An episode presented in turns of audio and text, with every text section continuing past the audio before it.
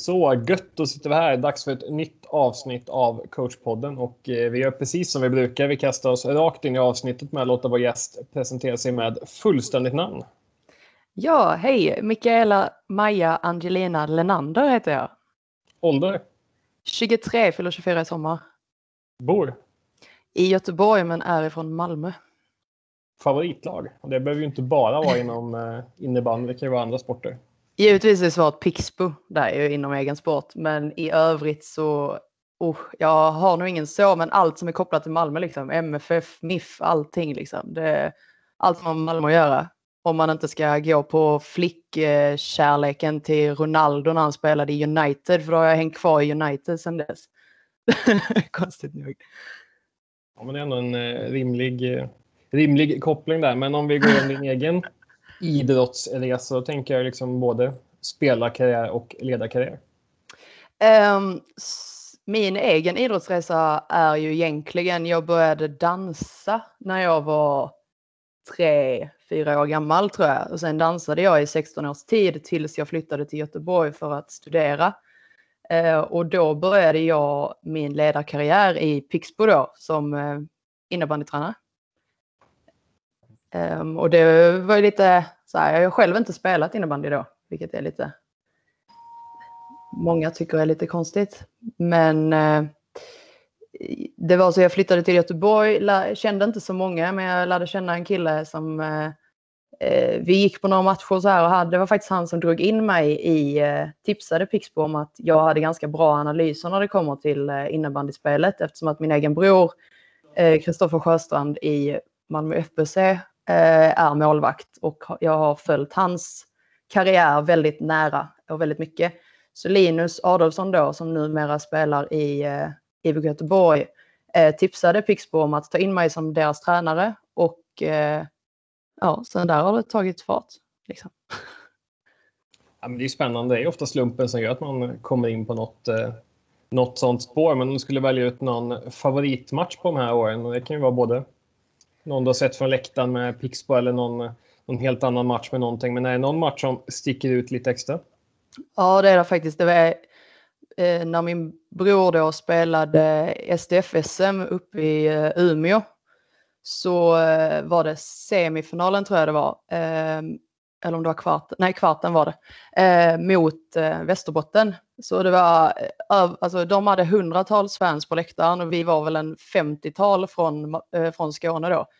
Eh, och så vinner Skåne i eh, sadden och vi, alltså det blir knäpptyst i hela hallen förutom de här 50 pers som liksom ställer sig upp och skriker halsen av sig liksom. det, var, eh, det var en mäktig känsla faktiskt, det måste jag säga. Men förutom den så i min egen ledarkarriär så får jag väl får jag inte glömma eh, Gothia Cup-guldet med, eh, med killarna då när jag var i eh, Pixbus eh, division 3-lag. Gothia Cup, det är en underbar turnering. Den kan jag sakna faktiskt. Ja, den är underbar.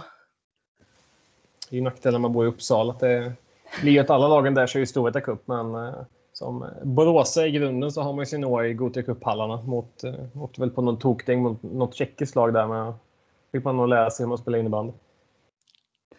Ja. Nej, det, Gothia är ett minne för livet, absolut. Men om vi går in lite på dig själv som ledare, om du skulle beskriva dig själv. Vilka är dina styrkor som ledare och vilka delar brinner du för inom innebandyn?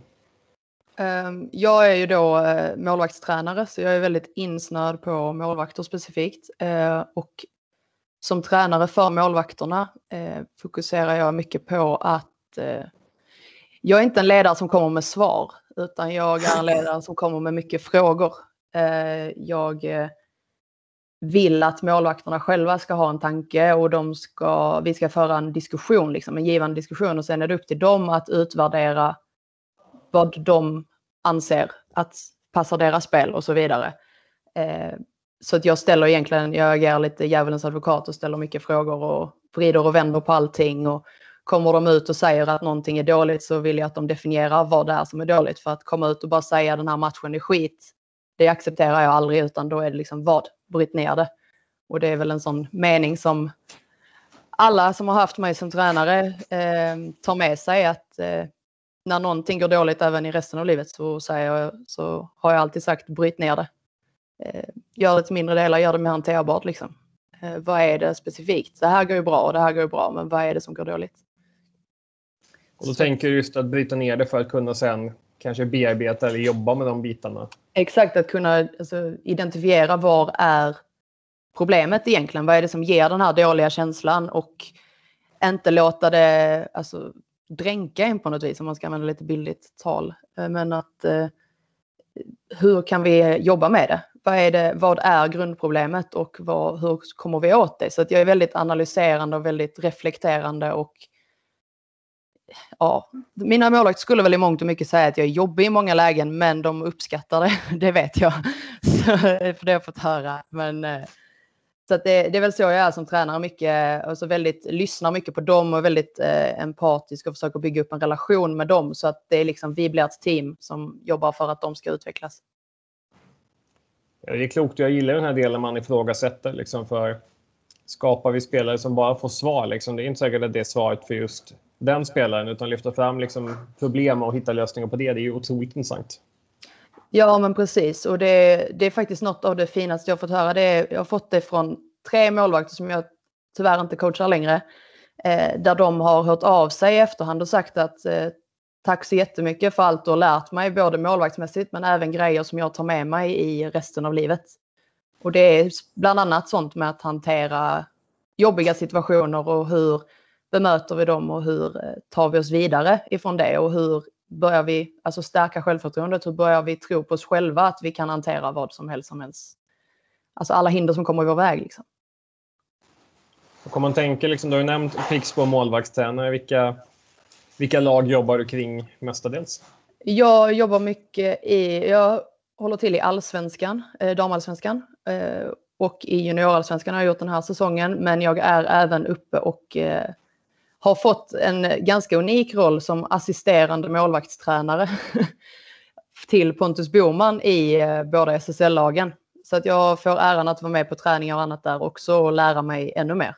Eh, och ha honom som en typ av mentor, en helt ovärderlig mentor. Det är, det är otroligt spännande just det här att man eh, dels sitter på en roll där man själv jobbar med liksom driva sina egna tankar, sen också kunna ha möjlighet att få bolla idéer med någon, någon som jobbar med något liknande. Det är otroligt spännande. Ja, men precis. Pontus... Eh, ja, fortsätt, ja. fortsätt. Nej, äh, men jobbet med Pontus har varit, äh, han, har ju, han hoppade in som en mentor för mig ganska snabbt efter att min karriär tog fart och äh, har varit, har verkligen utmanat mig i mångt och mycket och fått mig att växa och fått mig att liksom testa mina vingar och fortsätter att bara pusha mig och utmana mig och är det någonting jag funderar över så vet jag att han bara är ett samtal bort liksom. Så det är bra. Och om vi ska ge oss på den här härliga och utmanande frågan att försöka definiera en, eh, vilka egenskaper en målvakt behöver. Hur, hur tänker du kring eh, den frågan? Eh, de, alltså det finns ju de här klassiska mer eh, fysiska grejerna med att man ska vara snabb och man ska vara smidig och man ska vara uthållig och eh, man ska vara stark. Alltså jag menar alltså allt, om, allt det. Men jag tycker att en målvakt även ska vara nyfiken, eh, vilja testa nytt, inte vara fast i att så här har jag alltid gjort, varför försöker du förändra mig? För att det är aldrig det som jag som tränare försöker göra, utan jag försöker få målvakterna att testa nya grejer för att kunna då göra en bedömning och, eh, av vad, vad passar, vad blir bäst, vad, varför, varför väljer jag att göra den här förflyttningen, varför gör jag inte den här? Och då ska de ha ett svar på det. Eh, annars så får vi ta och hitta det svaret om inte det finns. Så att de ska vara väldigt medvetna om sig själv, om sitt spel. Eh, de ska kunna reflektera över det och eh, ja, nyfikenhet, absolut. Jag tänker om du skulle skicka en passning då, det kanske är många unga målvakter som tänker att man skulle vilja bli eh, ungefär så som du, du beskriver det. Men finns det några tips man skulle kunna tänka på liksom, lite extra mycket som, eh, som en ung målvakt? Var aldrig nöjd. Nej men alltså var nöjda inte med att eh, komma ut och bara, ah, ja här, den här matchen var dålig. Nöjda är aldrig med det, utan försök hela tiden hitta mer svar, hitta nya svar. Bryt ner den, nu säger jag den meningen igen, men och reflektera över, okej, okay, i den situationen, där blev det mål. Varför blev det mål? Varför agerade jag som jag gjorde? Läste jag situationen på ett annat sätt som gjorde att jag agerade som jag gjorde? Okej, okay, är det min läsning av spelet som är problemet då? Är det det jag behöver jobba med? Alltså hela tiden, var aldrig nöjd med ett svar liksom, utan fortsätt reflektera över det och fortsätt jobba vidare liksom. Du ska få en härlig liten, eh, liten utmaning här också med jag har ju på coachpoddens sociala medier, den finns ju på Facebook och Instagram. Men där publicerade jag en övning som jag tycker är, eh, är bra. Eh, och det är ju, du har ju fått det klippet så du vet ju vilken övning det, det, handlar om. Om ni inte har sett den så kan ni ju då gå in och kolla så vet ni hur övningen ser ut som vi pratar om. Och det är ju då coachpodden på Facebook och så den heter IB coachpodden på Instagram. Så kan ni se övningen innan vi går innan ni, så hänger ni med i resonemanget här. Men vad, när du såg den övningen, vad tänker du utifrån, om den övningen utifrån ett målvaktsperspektiv? Uh, jag ska ärligt säga att jag blev nyfiken på att testa den och utsätta mina målvakter för den övningen. Uh, då jag tycker att den, så som den såg ut på videon så tycker jag att den får målvakten att utsätta, alltså att den sätter målvakten i situationer som är aningen de är lite stressiga, de är lite svåra, eh, de har lite högre de har hö det är högre svårighetsgrad än under en match, eh, vilket är perfekt för att man ska utmana sig och eh, lyckas, alltså kunna utvecklas. sen tycker jag att den är, det, det går att jobba med grund, grunderna måste sitta liksom, eller man, man får, man tvingas till att inte bara jobba grund, grund, alltså grundläggande, jag ska från höger stolpe in till mitten liksom, utan det, de kommer utsättas för situationer som tvingar dem att eh, lite mer, eh, vad kan man kalla det, eh, sådana situationer som kan uppstå på match när, när spelet inte följer gameplan om man säger så. Och de måste kunna hantera dem, de måste klara av den stressen, de måste klara av att agera lite på känsla i vissa situationer eller åtminstone eh, har jobbat in den typen av, okej, okay, hur hanterar jag en situation som ser ut så här? Den ska inte uppstå, nej, men hur hanterar jag den? Eh, så att de hittar något typ av lugn eller någonting i sig själva eh, att hantera alla oförutsägbara situationer.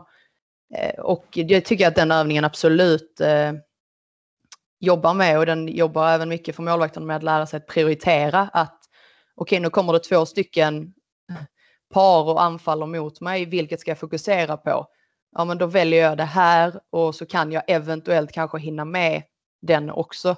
Men det är inget garanterat. Eller att de, de får bara lära sig att liksom göra val, göra aktiva val och sen kunna reflektera över, okej, okay, hade jag kunnat göra någonting annorlunda?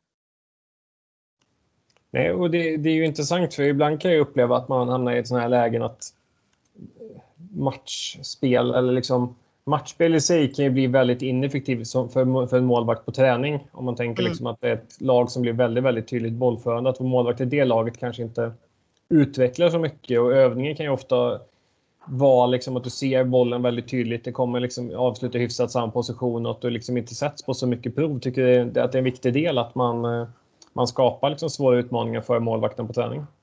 Ja, men precis. Eh, det är ju det var faktiskt någonting som eh, jag... Eh, jag hörde en kommentar från Lara Heini på eh, SSL-träningen för ett tag sedan.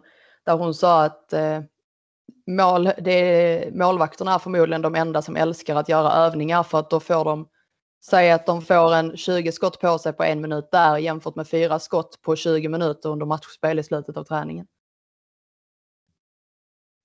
Ja, det är ju otroligt intressant eh, just liksom den, den, den diffen som det blir. Liksom. För, för utspelaren kan ju matchspelet vara det överlägset roligaste. Ja, men precis. Men att för att målvakterna ska... Det är ju klart att matchspelet är givande och det är bra för dem att även hamna i situationer där de måste lära sig att hantera. För det finns matcher där det, där det inte händer någonting. Eh, och att de ändå ska hålla sig alerta till när det väl händer någonting. Men för att de ska kunna jobba på just förflyttningar, eh, positionering och olika ageranden för eh, de situationer som de utsätts för när det blir ett anfall så måste de ju få ett anfall mot sig också. Och det är där jag tyckte att den övningen som du eh, hänvisade till var, eh, där, där får de ju det. Det är, det är ju anfall, anfall, anfall hela tiden liksom. Men eh, där gäller det att hitta den här balansen så att det inte är för många par inne samtidigt och spelar utan att man eh, ja, hitta en balans som funkar för målvakten. Så att det, det är svårt men det är inte omöjligt.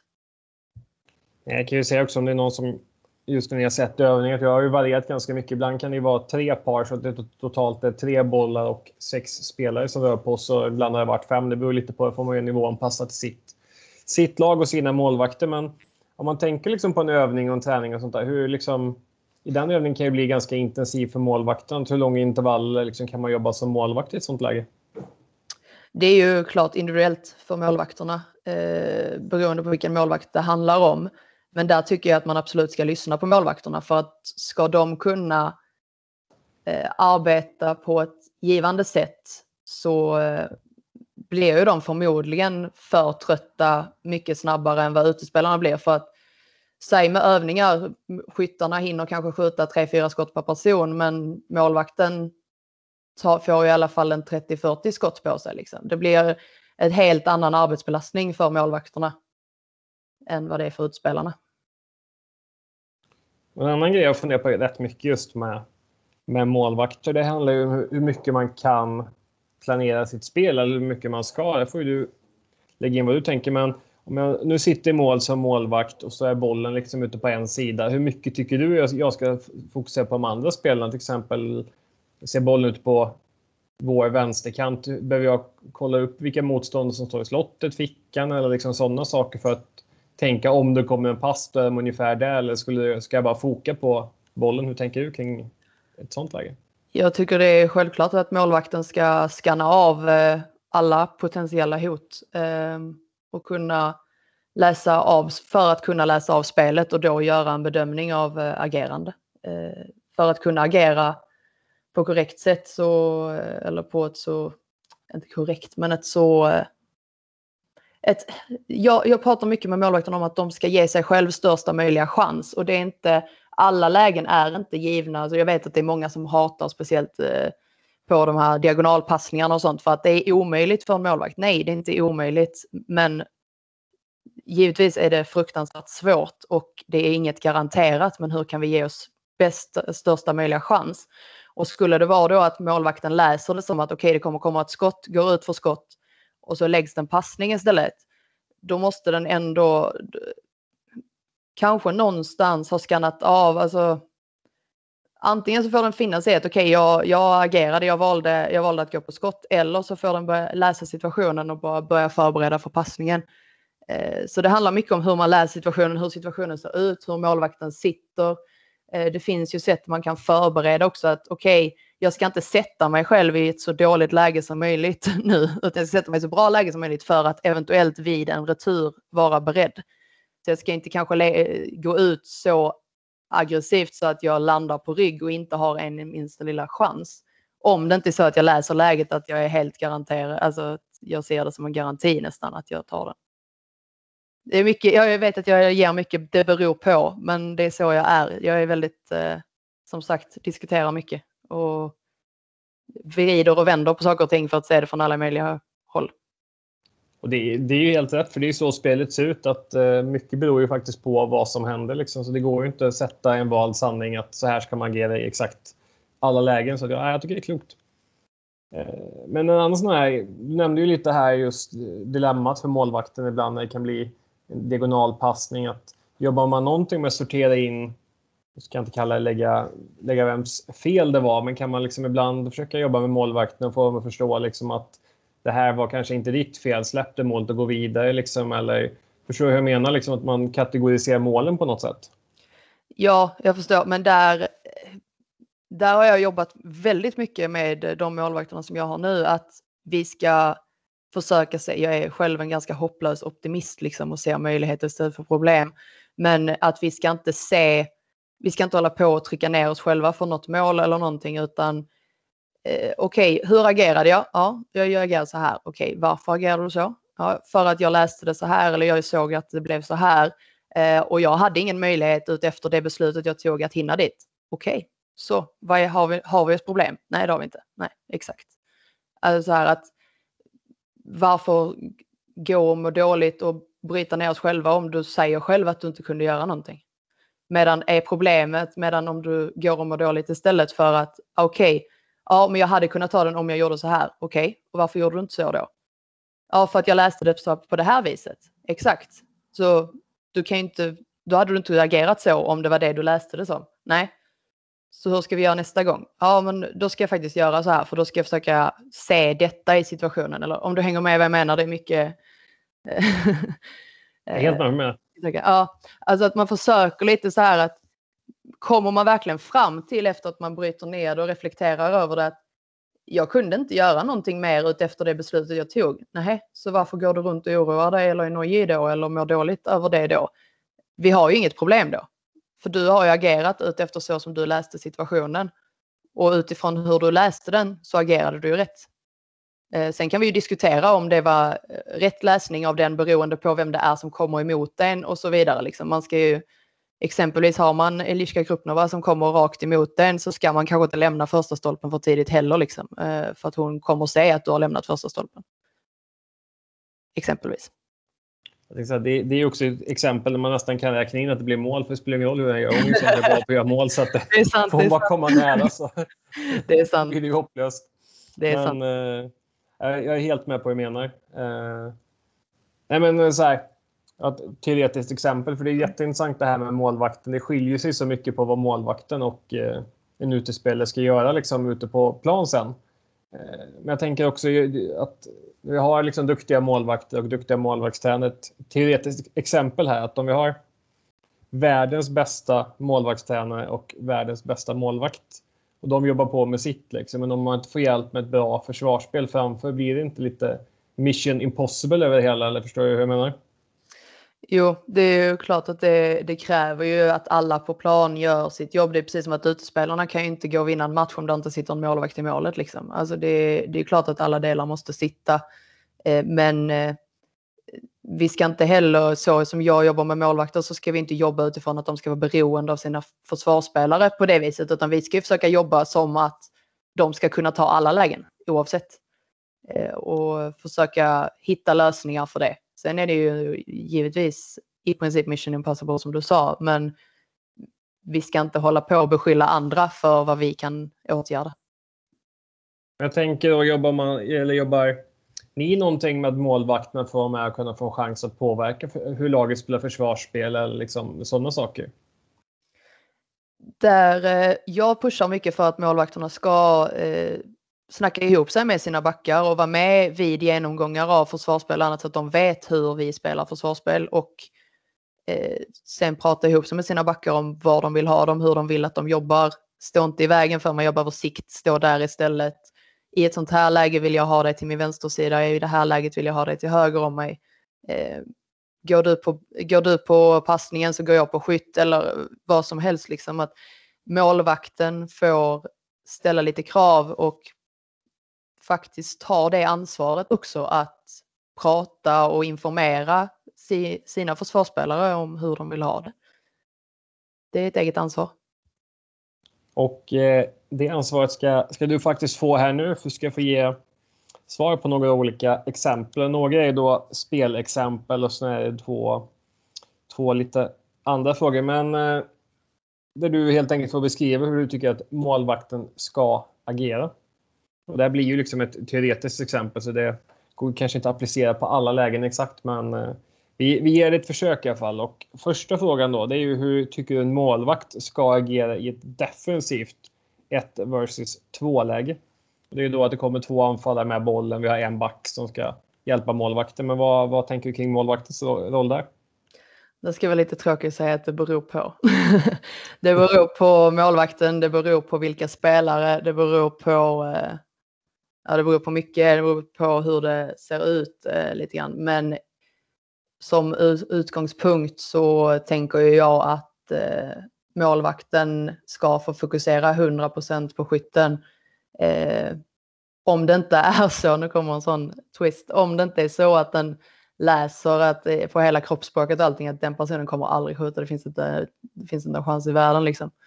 Eh, då är det klart att den kan förbereda för passningen och så, men där jag jag tänker att eh, målvakten för att väga in den här mänskliga, eh, mänskliga faktorn i det, att målvakten ska kunna fokusera på en grej helst. Eh, och då är det backens uppgift att ta och täcka upp för det andra. Nästa fråga här då, det är att målvakten har gjort en räddning. Det finns möjlighet att gå på ett kort som är långt utkast. Så att det finns både spelare som sticker i djupled som vi skulle kunna kasta till. Vi skulle kunna rulla ut en kort vid sidan av målet. Hur tycker du att målvakten ska resonera? Ännu en gång beror på. Hur eh, ser det ut? Eh, vad står det i matchen? Vill vi spela säkert? Vill vi gå på chansning? Vill vi vad som helst? Men jag tycker alltid att man ska hota med det långa utkastet. Jag tycker alltid att toppen, om man nu spelar 2-2-1, st toppen sticker liksom. Får målvakten tag i bollen då sticker, då sticker toppen. För att äh, åtminstone så drar det isär så att våra backar får mer yta eller så äh, får vi helt enkelt ett läge för att målvakten ser att den, det utkastet kan gå långt. Men det är klart att en målvakt ska kunna lägga det långa utkastet om möjligt finns. Bonusfråga där med långt utkast. Eh, tycker du att målvakten alltid ska ställa sig upp i ett långt utkast eller finns det varianter med även liksom i någon form av sittande position med något underhandskast kan liksom kasta väldigt långt eller hur liksom ser du på det? Ja, där, det finns ju olika varianter men de mest traditionella är att man ställer sig upp. Eh, Sen finns det ju eh, några som har eh, eh, någon typ av Superman-variant som jag vet att eh, några i alla fall har sett på Jon Hedlund bland annat. Eh, men oftast för de långa så eh, traditionellt att ställa sig upp, absolut. Nästa fråga då. Eh, ditt lag leder matchen. Motståndaren jagar kvittering och har mycket boll. Vi kanske börjar närma oss ett läge där de kanske till och med plockar sin målvakt för att spela 6 mot 5 där. Men summa summarum har de ju satt en eh, forward framför vår målvakt som alltid är liksom och stör och kanske upp i ansiktet och jobbar och såna här saker. Att hur, hur jobbar man som målvakt för att försöka kringgå det eller hur, hur tänker man runt sånt? Eh, där tänker jag ju bara krasst att bita ihop och ta det liksom. Eh, det är en del av spelet. Du låter inte, stressa inte upp dig, låt inte bli irriterad. De, det är det de är ute efter. Liksom. Eh, jobba med att hitta lugnet, försöka hitta sikt. Eh, om utespelarna får använda vassa armbågar så gör du det också. Knävecken är mitt i synvinkel. Nej, jag har aldrig sagt det där. Men det... eh, nej, men klart, lär dig jobba med det. Eh, och behåll lugnet. Hitta sikt. Bara. Och om vi tänker då att eh, vi befinner oss på försäsongsträningen. Det är en vacker tanke. Men eh, målvakten då, ska han hänga på övriga laget och köra alla deras övningar eller brukar målvakten behöva något mer specifikt kopplat till målvaktsspelet? Eh, allt som allt så skulle jag väl säga att de oftast kan hänga på för att eh, mycket fokus är ju just att bygga upp styrka och kondition och sådär. Och det är ju klart att en eh, målvakt behöver både vara stark och ha uthålligheten. Eh, de håller ju fokus under längst tid av alla på plan. Liksom. Eh, så att däremot så skulle jag väl kunna ifrågasätta om jag vet att många lag kör extremt mycket intervallträning under försäsongerna. Att ibland så kanske en, för en målvakt så kan de lika gärna köra en, en lång joggingrunda liksom eller någonting, alltså ta en längre sträcka. De behöver inte alltid köra just intervaller för då, den typen av explosivitet behöver inte de, utan ska de jobba någon typ av explosivitetsträning så är det ju från knä upp till stående position. Liksom. Eh, ofta för att hinna komma upp eller från liggandes upp till knä eller sådär. De, de behöver en annan typ av explosivitetsträning än just alltså, löpningsintervaller. Vi ger oss tillbaks till, eh, till innebandyhallen från löpspåret där, men vi står inför en match och vi har en historiskt väldigt duktig målvakt som har vunnit många matcher åt laget genom åren. Men på slutet haft det ganska tufft. Hur skulle du liksom jobba eller peppa den målvakten för att han ska hitta tillbaka till eh, storformen? Där är ju ett eh, stort jobb som ständigt görs bakom kulisserna för att alla som i alla idrotter och för alla elitidrottare och för alla idrottare överhuvudtaget så går det ju upp och ner. Eh, försöka ta reda på, är det någonting på det privata planet? Då pratar vi om det. Eh, försöka hitta lösningar på hur vi kan komma åt det, se till att vi släpper det när vi kommer till hallen eller använder det som bränsle istället. Eh, eller så, okej, okay, det stämmer inte just nu. Nej, försöker vi hitta vad är det som inte stämmer, vad är det vi kan få funka. Kanske till och med behöva gå tillbaka till grunderna, se, försöka bygga upp självförtroendet igen. Eh, börja från start, okej, okay, nu sätter vi det här, vi sätter det här, grunderna kan du. Kolla, de sitter, shit vad bra, då går vi vidare på nästa grej. Alltså att man försöker jobba med personen bakom masken liksom. Eh, de, eh, det är oftast en självförtroendefråga eller någonting i det privata som stör eh, om, det, om de hamnar i en sådan dipp på det viset. Och är det motivation, ja men då försöker vi göra det roligt igen.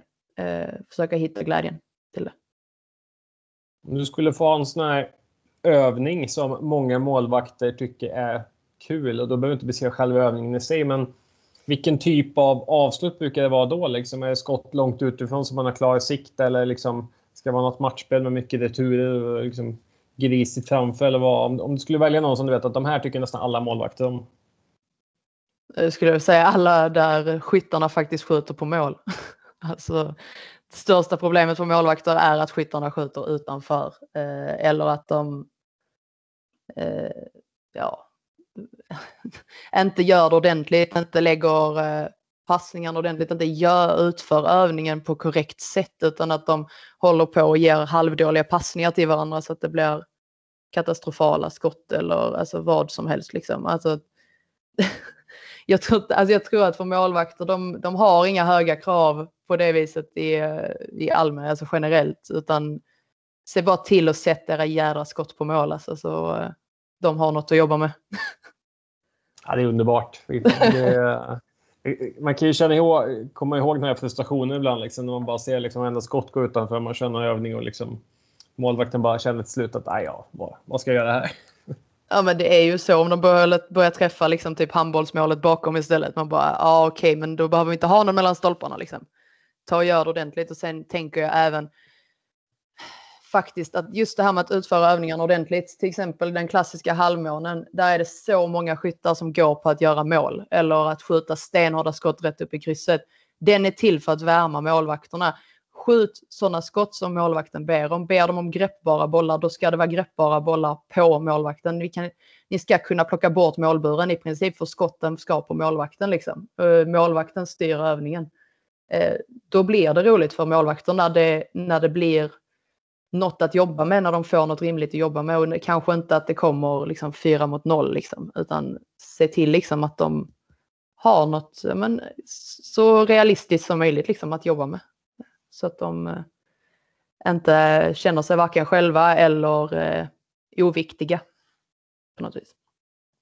Ja, men det här ska bli intressant. Nu ska jag testa en teori för jag har ju då uh, tagit bort ordet uppvärmningsskott från mina spelares repertoar. Det är ett ord som inte förekommer på våra träningar.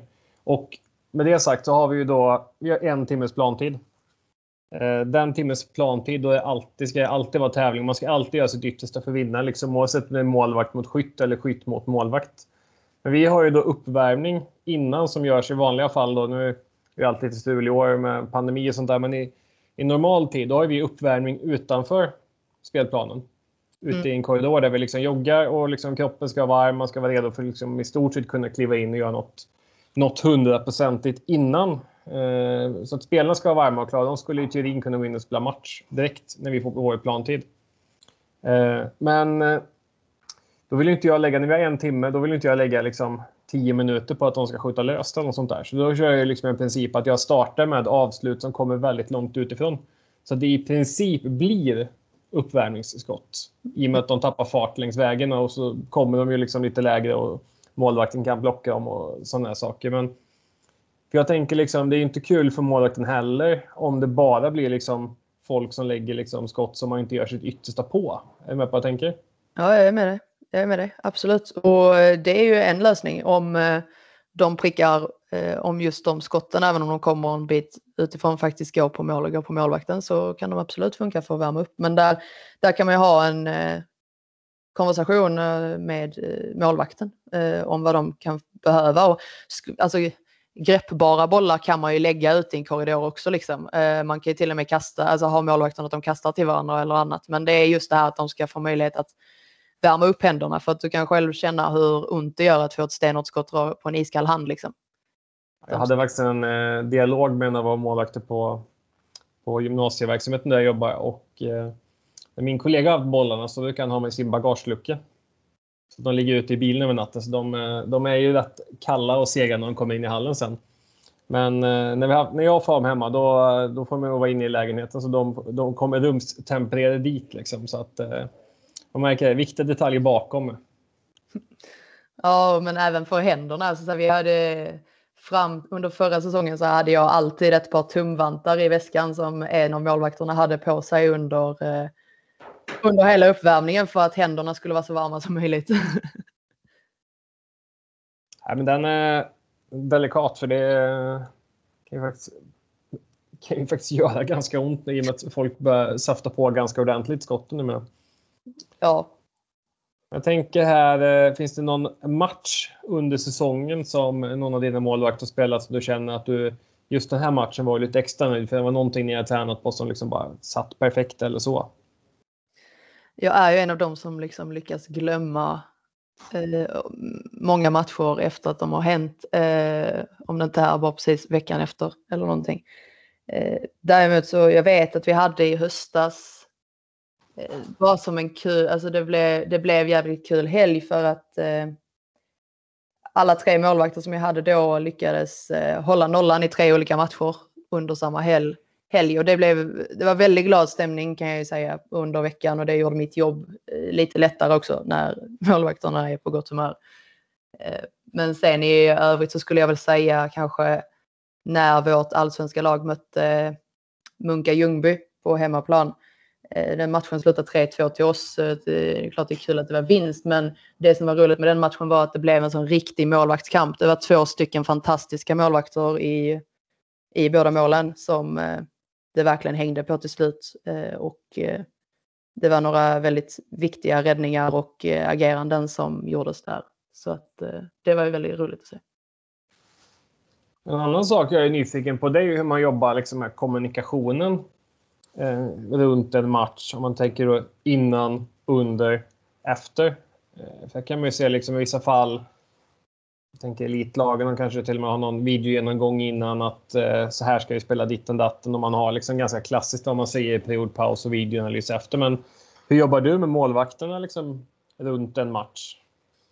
Det är också olika från målvakt till målvakt. Det, det beror på eh, hur eh, hon eller han vill ha det och eh, vad som funkar, vilken typ av mindset de går in i. För det finns ju, det är en väldig skillnad på målvakt till målvakt. Eh, några går verkligen in i någon typ av zone och du kan inte prata, du kommer inte åt dem, de vill inte att du pratar med dig, de vill inte så här, men då vet du ju det sen innan. Medan andra är ju så här, de, de fokuserar som bäst om de får lov att skämta och eh, jävla som annat liksom. Eh, så då blir man ju snarare, i såna, med sådana målvakter blir man ju snarare orolig så fort de blir tysta. För då vet man att någonting inte stämmer. Men innan match så brukar jag alltid prata, det har jag som en standardgrej, att jag pratar alltid med målvakterna, eh, kollar läget, hur känns det, är, eh, är eh, måendet i övrigt på topp, eh, är, vi, är vi på plats, är vi här idag liksom, eller är det någonting som har hänt? Bara för att kolla, vad har jag jobbat med idag? Eh, sen pratar vi igenom så får de säga alltid tre grejer som är deras fokus under matchen. Och då är det för att vi har märkt att i vissa, vissa matcher, eh, när ingenting går enligt gameplan, inget går som det ska, eh, målvakterna utsätts för i princip omöjliga lägen och så vidare, så kan det är väldigt lätt att det bygger upp frustration och att man känner, och de känner att de inte är i kontroll. Så de här tre grejerna som vi sätter upp inför match är för att de hela tiden, det är tre grejer som bara de kan påverka. Det är grejer som är helt och hållet upp till dem. Det beror inte på någon annan, det beror inte på någon annans prestation, det beror bara enbart på dem. För att de ska känna, för då kommer de ut i pausen och så säger jag, har vi uppfyllt det här? Ja, jag har gjort det här. Ja, har du gjort det här? Ja, det har jag gjort. Och har du gjort en tredje grej? Ja, men det har jag gjort. Bra, då har du haft kontroll den här perioden så blir de ofta lite lugnare. Att de känner att de har kontroll.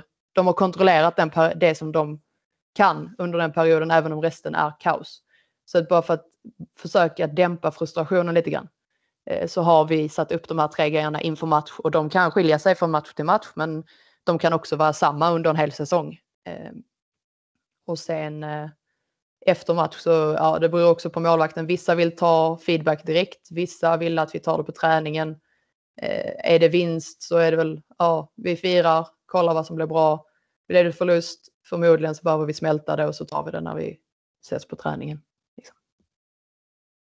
Det, med, det med förlust är ju rätt intressant om man tänker i det här klassiska läget när det går lite dåligt i en match. Men hur tänker man runt det här klassiska då, byta målvakt? Tycker du att det är ett beslut att målvakterna själva sitter på det? Det kan ju bero också givetvis om det, finns, om det finns någon mer målvakt att tillgå. Är det bara en så är det inte så mycket man kanske kan göra. Men hur tänker du kring det här att byta målvakt?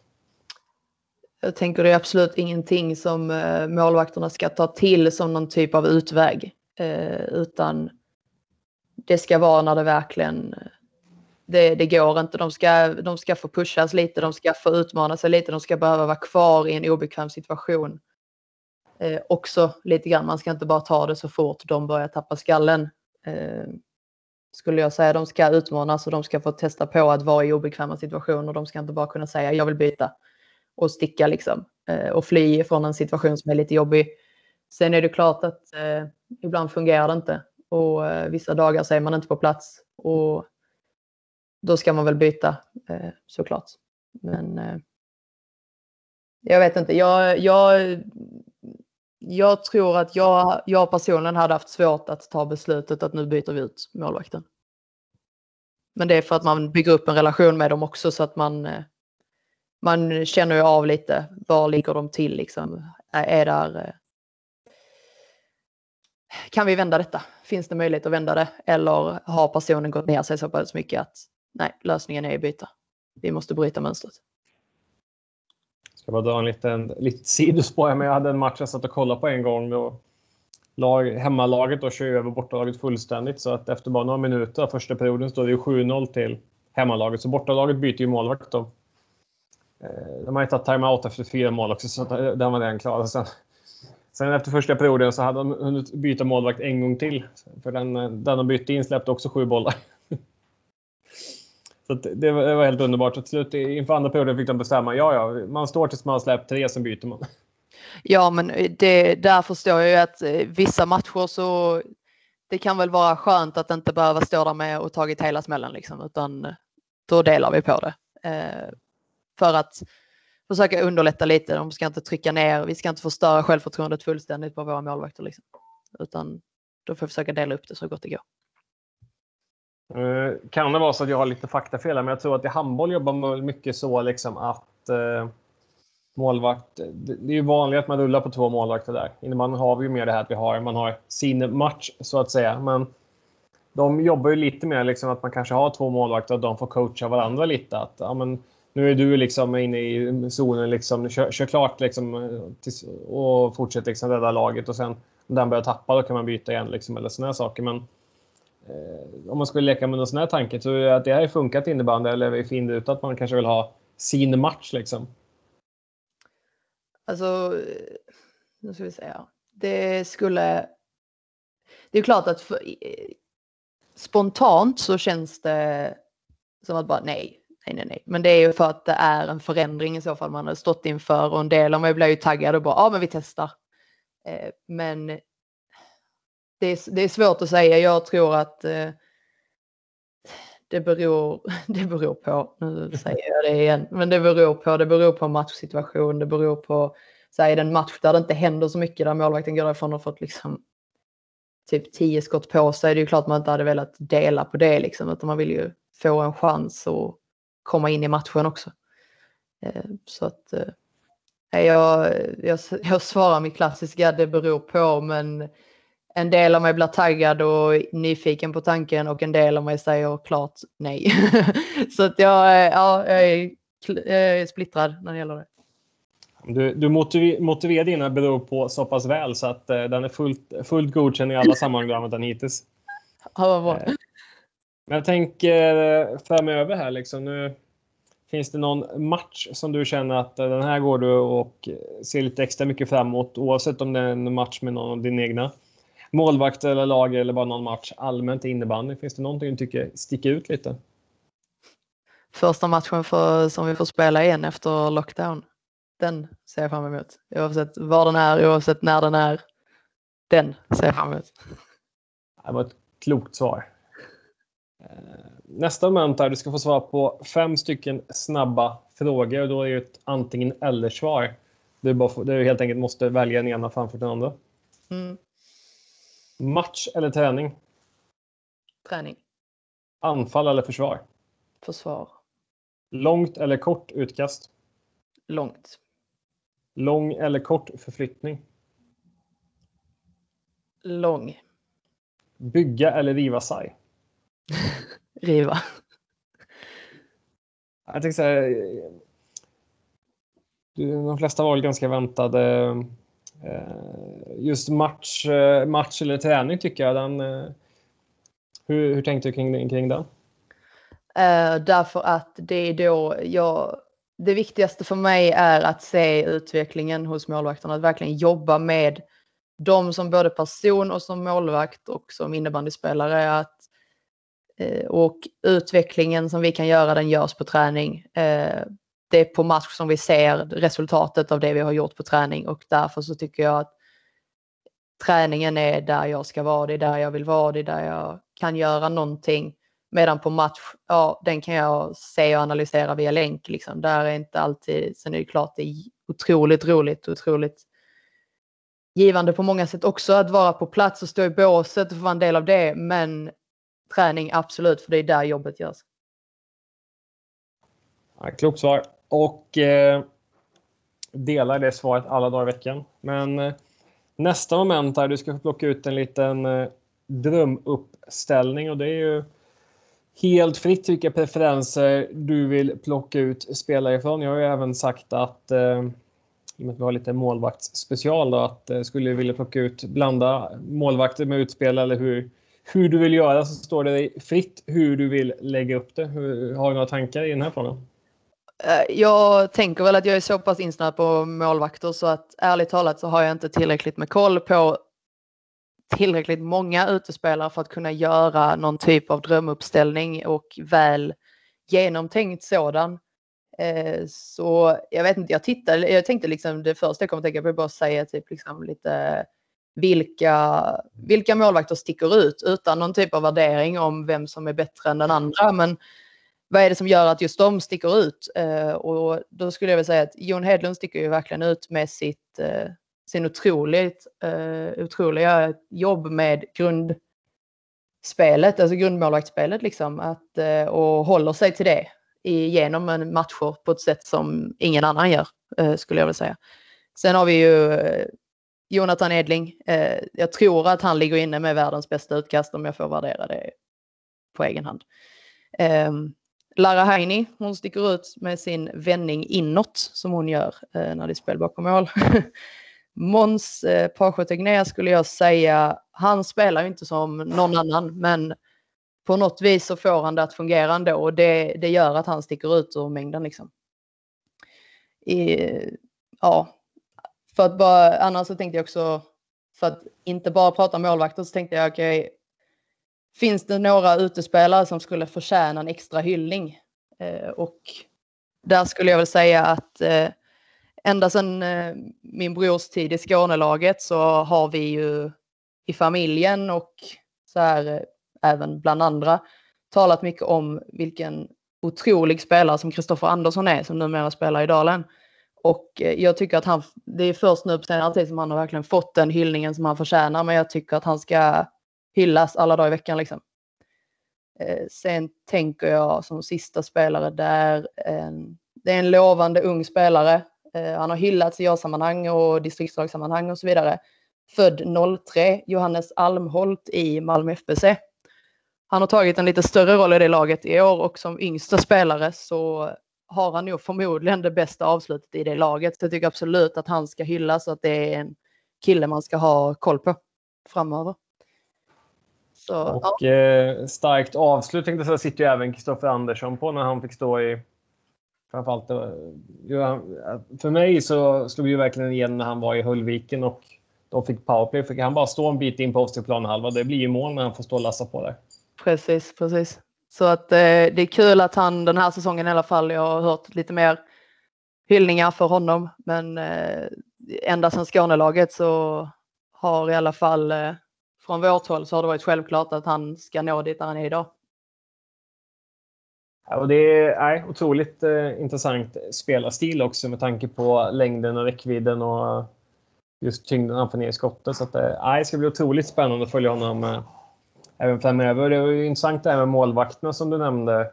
Eh, jag tycker det är otroligt intressant. Jag kan ju bara instämma med Edlings utkast. Liksom, vilken, eh, vilken otrolig liksom, eh, räckvidd han får. Liksom. Det känns som han drar väl bollen 10 meter längre än genomsnittet.